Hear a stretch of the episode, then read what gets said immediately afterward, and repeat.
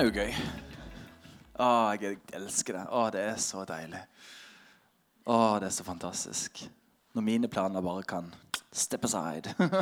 så kommer Den og bare Nå skal jeg gjøre noe iblant dere. Det er digg. Jeg kjenner Det trengte jeg i hvert fall for mitt liv. Åh, yes. En åpen oase for å være den som vil. Wow.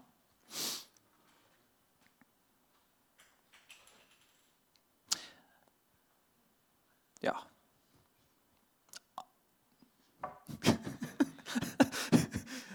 Nå har liksom jeg tenkt jeg skal si noe fornuftig, herrene, men eh, jeg føler alt nå blir bare litt sånn Helligånd bare ja, nice try. jo, jeg tror Helligånd har vært med meg i forberedelsene òg. Jeg tror Gud er større enn bare nuet. Eh, men jeg skal ikke si alt jeg har planlagt. Eh, men jeg har lyst til å bare sette kanskje en slags agenda da, for uh, dagene og uken som kommer. For those who needs translation, if there's anyone, there is translation going on there. You can have this headset on you. For dere som forstår norsk, kan dere bare bli sittende. Um, et godt utgangspunkt er en taleserie vi skal ha litt framover nå. Og nå må dere bare tilgi meg, for nå, nå, blir det litt sånn slalåmkjøring.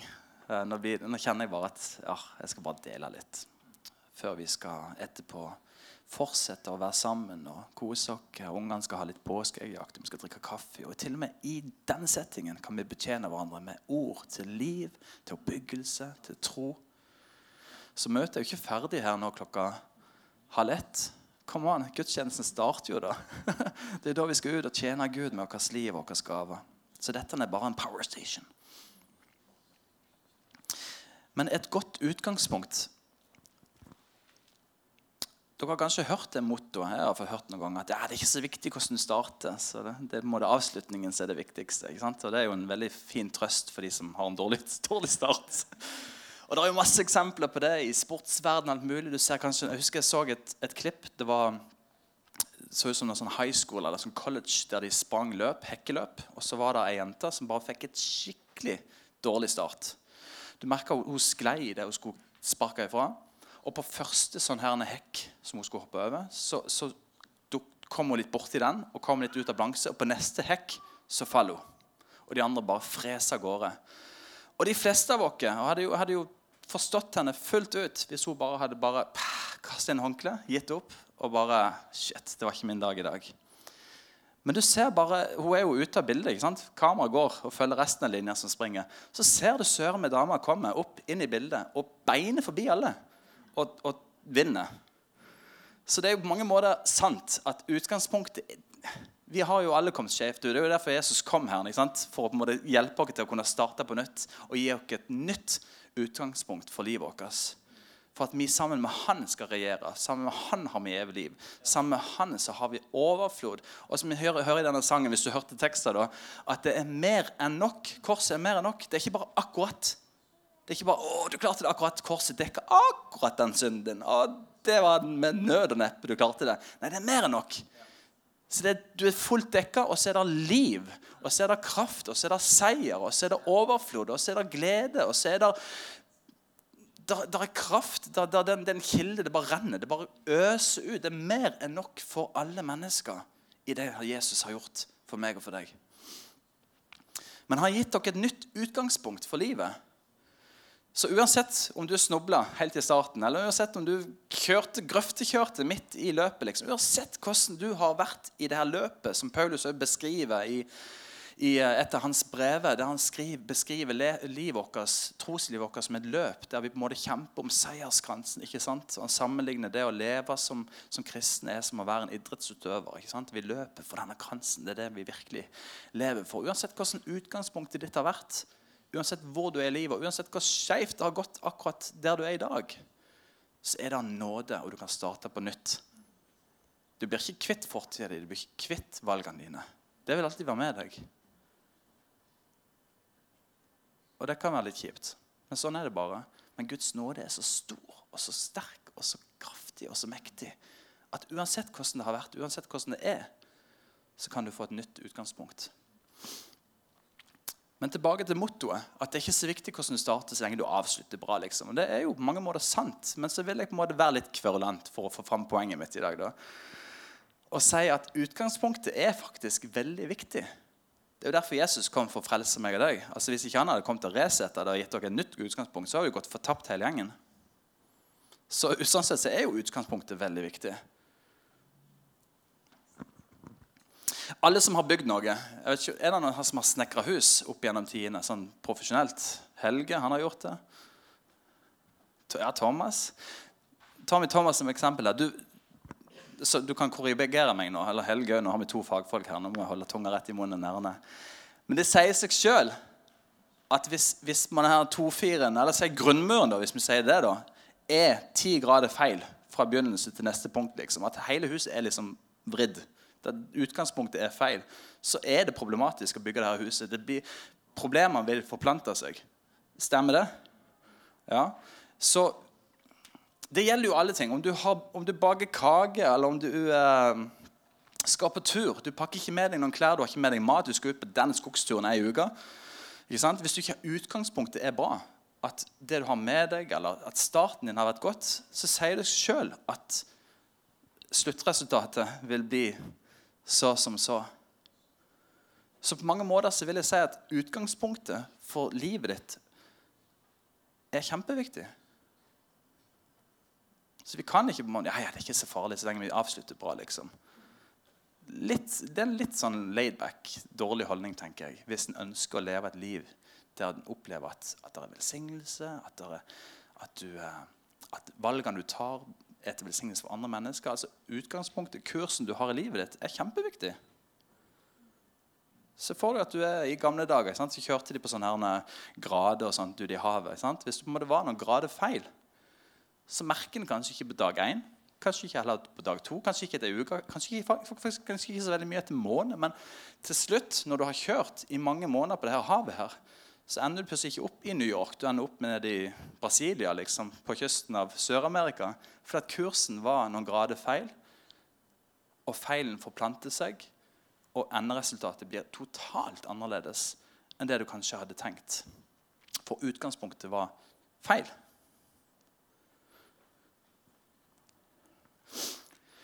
Så dette mottoet, hvis jeg skal være litt kverulent, vil jeg si er misvisende hvis en tenker på en måte at en skal bygge livet sitt på det. Er det ikke så farlig, så lenge vi avslutter med stil.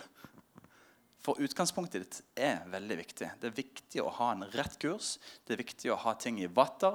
Det er viktig at alle forholdene er på plass før du begynner å bygge. Jesus var jo kjempetydelig med dette når han snakker om, om eh, de som bygger huset sitt på fjell, kontra de som bygger huset sitt på sand. Jeg tror vi lett kan la oss lure av og til. For sand, hva er det for noe? Sand er jo små stein. Det er pulverisert. Altså, det er jo stein. Hvis du tar det under lupen med mikroskop og ser, så er det jo fantastisk. Det er jo masse, ut som edelsteiner. Men det er jo en stor stein som egentlig har blitt knust og pulverisert, og så har du sand. På en annen måte kan du si at det er masse små, enkelte sannheter. Og jeg tror vi har lett for at vi bygger livet vårt på det ja, ta litt der, litt sannhet der, litt sannhet der. Vi ikke har alt det, for det blir litt for utfordrende for meg. Men litt små sannheter. Og så blir det veldig fint grunnlag for at jeg kan begynne å bygge mitt hus på mine sannheter.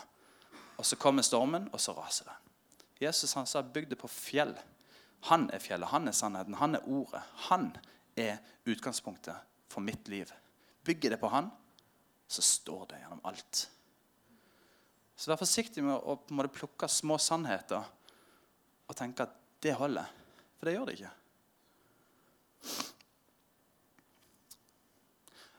En uh, psykolog som heter um, Jordan Peterson, som jeg har hørt på en del år nå, han sa noe fantastisk bra. Han har vært klinisk psykolog i mange mange år i Canada. Undervist på Harvard University. Han sa det at uh, i alle sine samtaler med mennesker som har endt opp i ei grøft de er der fordi det har blitt tatt noen valg, eller det har blitt gjort noe mot. Altså De har opplevd et eller annet der de har prøvd å på en måte vri på realiteten. De har prøvd å på en måte lure eh, sannheten, om du vil. på en måte. Det vil si at En har tatt kanskje et valg som har vært på kompromiss med det som egentlig er sant. En har på en måte kanskje begynt å leve i en løgn. Si at en har vært, er gift, og så plutselig velger en å være utro. Altså Du, begynner, du, du, du stager en kurs som er ødeleggende for det som er sannheten, det som egentlig er kursen i livet ditt. Og så er det ikke sikkert du opplever noe der og da. Men han sa hver eneste pasient han har hatt, så kan du på en måte si at ok, eh, hvorfor har det skjedd? Jo, pga. det. Ja, hvorfor har det skjedd? På grunn av det. Ja, hvorfor skjedde det? Jo, på grunn av det. Hvorfor skjedde det? På grunn av det. Ah, der har du det. Så han prøvde å på en måte Han har på en måte prøvd å, å eh, lure seg sjøl eller andre mennesker, som gjør at du plutselig får en kurs som er ut av, av, det som egentlig er sant eller godt for livet ditt. Og så ender du opp i en grøft fordi at kursen har på en måte blitt vridd vekk fra det som er sannhet. Um, det kan òg være selvfølgelig fordi at mennesker kanskje gjort noe mot deg, men veldig ofte så tar vi små valg som i der og da kanskje ikke ser så veldig alvorlig ut. Eller som kanskje er delvis sant. Og så blir det grunnlaget for livet vårt. Så bygger vi og så bygger vi, og så bygger vi, og så kommer stormen. Og så bare, Hva i all verden skjedde for noe? Så utgangspunktet for livet vårt er kjempeviktig. Og utgangspunktet vårt som kristne er jo nettopp denne dagen at Jesus sto opp igjen fra døden. At han ga sitt liv for meg og deg. Han ofra alt. Og som Samantha sa, kom det, slutt, kom det var slutten. Da hadde han ikke vært noe annet enn alle andre store mennesker i denne verden som har kommet med gode ord og flotte ting og gjort spektakulære ting. Men han sto opp igjen fra døden. Han ble reist opp fra grava, og han lever i dag. Og han gir liv, livet sitt, til meg og deg. Og Jeg kjente det i stad at, at det, det, er alvorlig. For vi har så lett når vi er en del av en verden, av en kultur, av en tidsånd, å bli revet med i det vi lever i. Altså, Vi er jo i denne verden, som Paulus sier. Men det er så viktig å vite at vi er ikke av denne verden. Vi har en annen identitet. Vi har noe helt annet å leve for. Vi er fremmede. Vi hører ikke hjemme her. Vi er ikke av denne verden.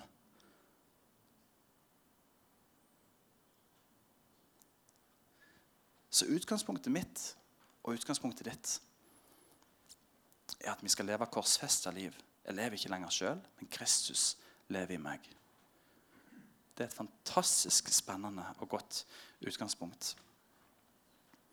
I Kolosserbrevet så står det at gjeldsbrevet står i Kolosserbrevene 2, 14, 15. Vi får det sikkert på veggen. Så står det gjeldsbrevet mot oss slettet han. Det som var skrevet med lovbud. Han tok det bort fra oss da han naglet det til korset. Så du kan si litt, jeg synes det er et kult bilde, men da, vi har et gjeldsbrev. Meg og deg er skyldige. Vi har bomma på målet. Vi har et forferdelig utgangspunkt i dette livet. Vi er fulle av synd. Men gjeldsbrevet det ble nagla til korset. Sletta en gang for alle. Og vi står plutselig rene og rettferdige. Og så står det, jeg synes det er kult, Han kledde makten og åndskreftene nakne og stilte dem fram til spott og spe da han viser seg som seierherre over dem på korset. Og Det er jo et bilde på, på før i tida når det var krig og kongen vant. Og, og på en måte De tok da den andre kongen og dronningen og familien og, og krigerne og alt mulig, kledde de av nakne og kastet de ut foran folket i bygda for å vise på en måte hvor ynkelige og stakkarslige og Det er jo bare mennesker. ikke sant? Og det bildet bruker de om Jesus når han hang på korset. og djevelen, Jeg tenker djevelen han, han, han gleda seg. Han hadde tatt livet av Messias. Han som egentlig skulle på en ta knekken på meg. Der henger Jesus som et Ja. Han, det virker som han var overvunnet. Han tapte. Men så reiser Gud han opp fra grava. Og det står at, at, det er akkurat som at han stilte de ut til spott og spe. Han tok autoriteten tilbake og så sier Jesus meg har gitt all makt på himmelen og på jord. Og Det kule er at det gir han til meg og deg òg. Vi regjerer sammen med Kristus. Efeserbrevet skriver det at vi, er, vi sitter, altså vår identitet vi, vi, sitter egentlig i himmelen sammen med Jesus. Det er min og din identitet. Å regjere sammen med han.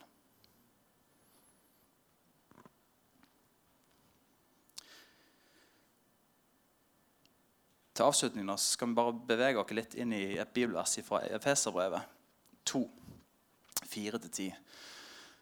Og her er det så mye gull at vi kunne jo hatt ti taler om dette. Men eh, jeg skal lese gjennom det, og så ser vi hvordan det går. Men her står det Men Gud er rik på barmhjertighet.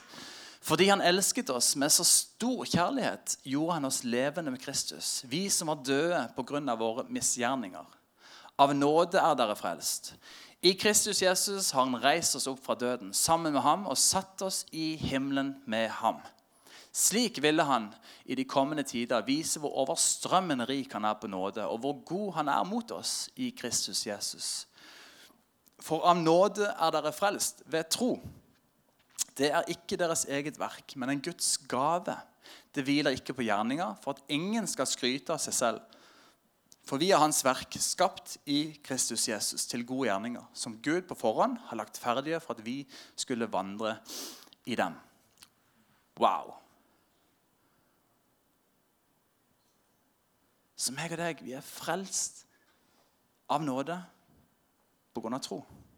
Jeg tar imot. Ja takk, Jesus. Så nummer én er det at Gud han er god, og han elsker deg. Du er hans barn hvis du tror på han. Tenk det. Du. Et Guds barn.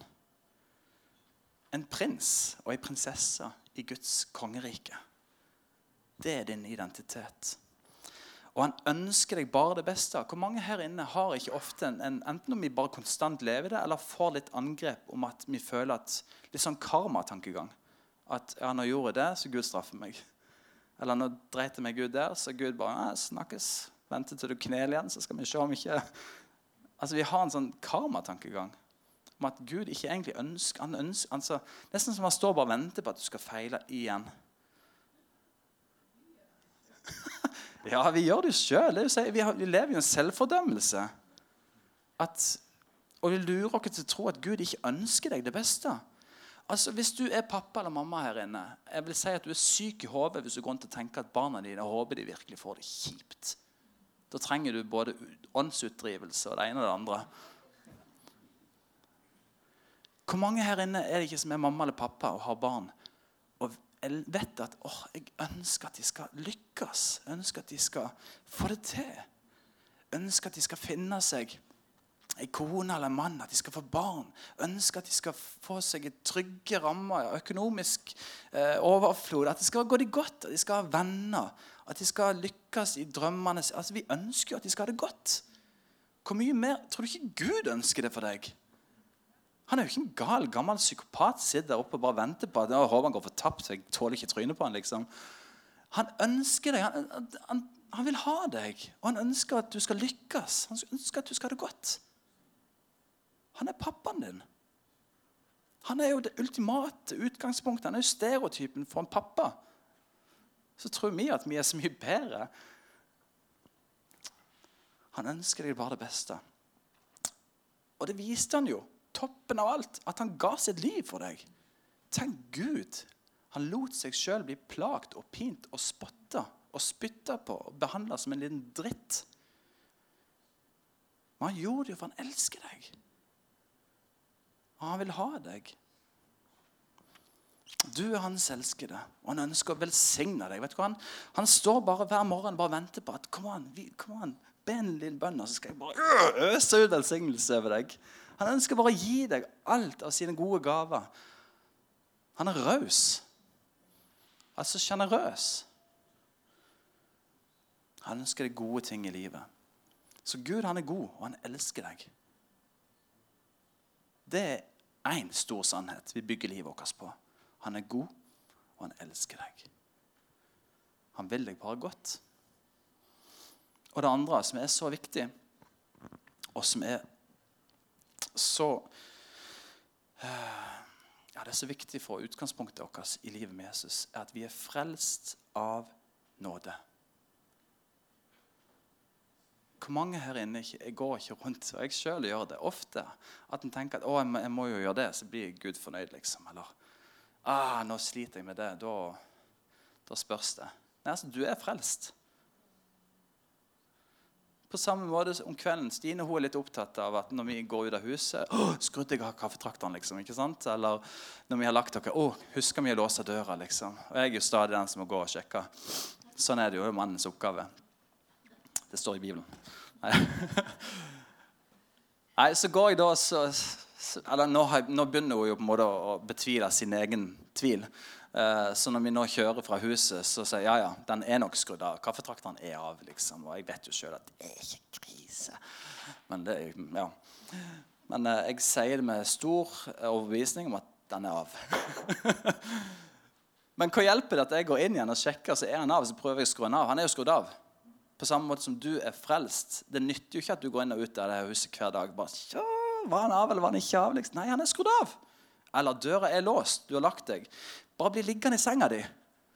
Du er frelst. Døra er låst. Nytter ikke at du går og låser opp igjen og låser igjen. Da begynner du å snakke om litt sånn OCD-greier. Ikke sant? Ikke sant? Nei, døra er låst.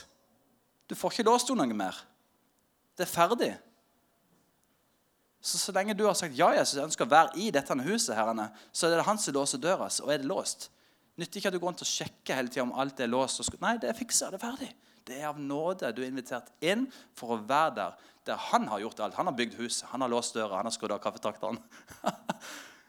han har gjort alt. Det er bare nåde.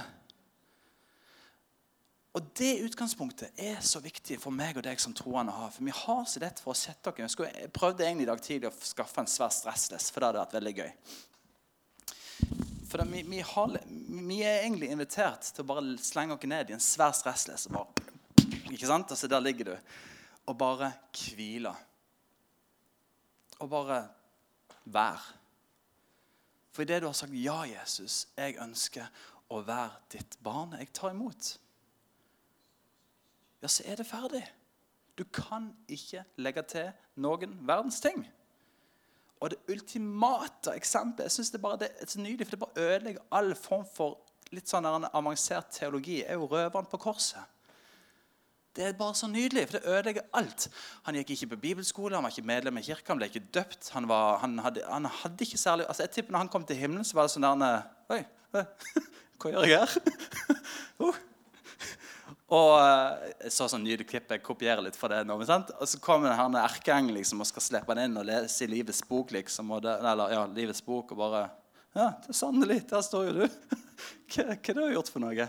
Nei, jeg vet ikke, jeg. Han fyren på midten av korset, han sa jeg kunne komme, liksom. Jeg har ikke gjort så mye. Altså, Det, det ødelegger all form for litt sånn systematisk teologi i forhold til det, det, det, det. Ja, Har du på en måte forstått rettferdiggjørelsen med tro, liksom? Jeg. Jeg spurte bare om jeg kunne få lov å komme. altså, selvfølgelig, Jeg tror det var noe i hans hjerte som skjedde på korset. Jeg tror ikke det er tilfeldig om folk kom til himmelen eller ikke. Det er jo ja, Jesus, jeg ønsker deg. Men til og med han ble invitert. Og det som er litt stilig, hvis, jeg vet ikke om dere har lagt merke til de detaljene, men både i Matteus og, og Markus' evangeliet så står det at begge røverne, begge to røverne spotta Jesus. Det er kun i Lukas' evangeliet det står at han ene ba om å få bli med han til himmelen. Og det vil si, Vi vet jo ikke helt, men det vil mest sannsynlig si at det har skjedd noe mens Jesus hang på korset. Røveren har omvendt seg og plutselig begynt å forsvare han. Og sagt til slutt, 'Jesus, kan jeg få lov til å komme med deg til himmelen?' Og Jesus sier ja. Du er invitert. Til og med, altså til og med på korset hang han der og bare spotta han. Mest sannsynlig. To evangeliene dokumenterer det. Og det tredje sier at det skjedde noe. Han vendte seg om og sa til Jesus, 'Kan jeg få lov til å bli med?'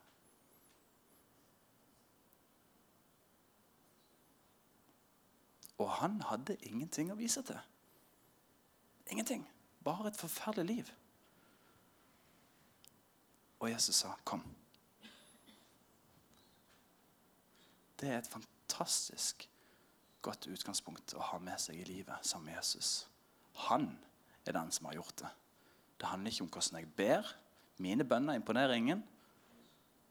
Men det er han som hører bønnen det står på. Jeg kan ikke vise til noen ting, men det er Jesus som har frelst meg. Det er han som inviterer meg. Det er han som sier 'kom'.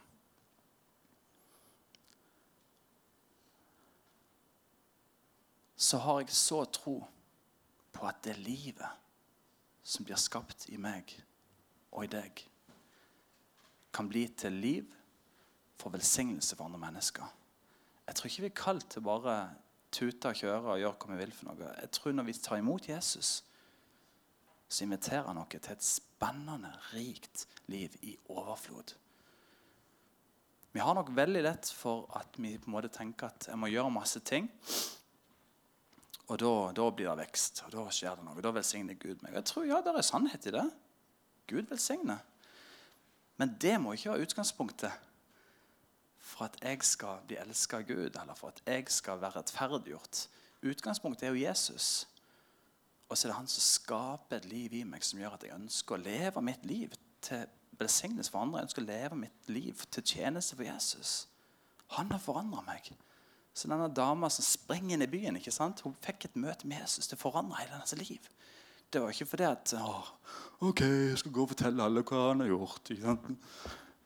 Nei, det var bare Jeg har møtt Jesus. Jesus lever. Han har sett meg. Og det skaper et liv. Et liv i overflod.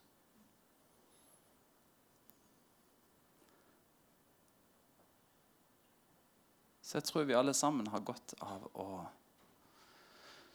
begynne litt på nytt. Hver dag er det ny nåde. Og kalibrere graden litt. Kutte ut noe som vi vet bare dette, dette er jeg ferdig med. Dette, jeg, dette kan jeg ikke holde på med lenger. Jeg ønsker bare deg, Jesus. Og la Han få lov til å skape et liv i oss. Kommer det en storm av unger? Yes. Takker deg, Jesus, for korset. Jeg takker deg for oppstandelsen, Jesus. Jeg takker deg for det livet du har gitt dere, Jesus. Takker deg, Herre, for det du har gjort i dette møtet, Herre. Takker deg for at du er full av kjærlighet, full av nåde. Takker deg for at hos deg, Gud, så er det så mye godt. Og jeg takker Gud for at du inviterer oss inn til et liv i overflod, der det bare renner ut levende vann. La det du har gjort iblant dere nå i dag, la det du gjorde for 2000 år siden, la det bare virke i vårt liv, Jesus. Vi ønsker å bare overgi oss sjøl for deg. Det er bare du, Jesus. I Jesu navn. Amen.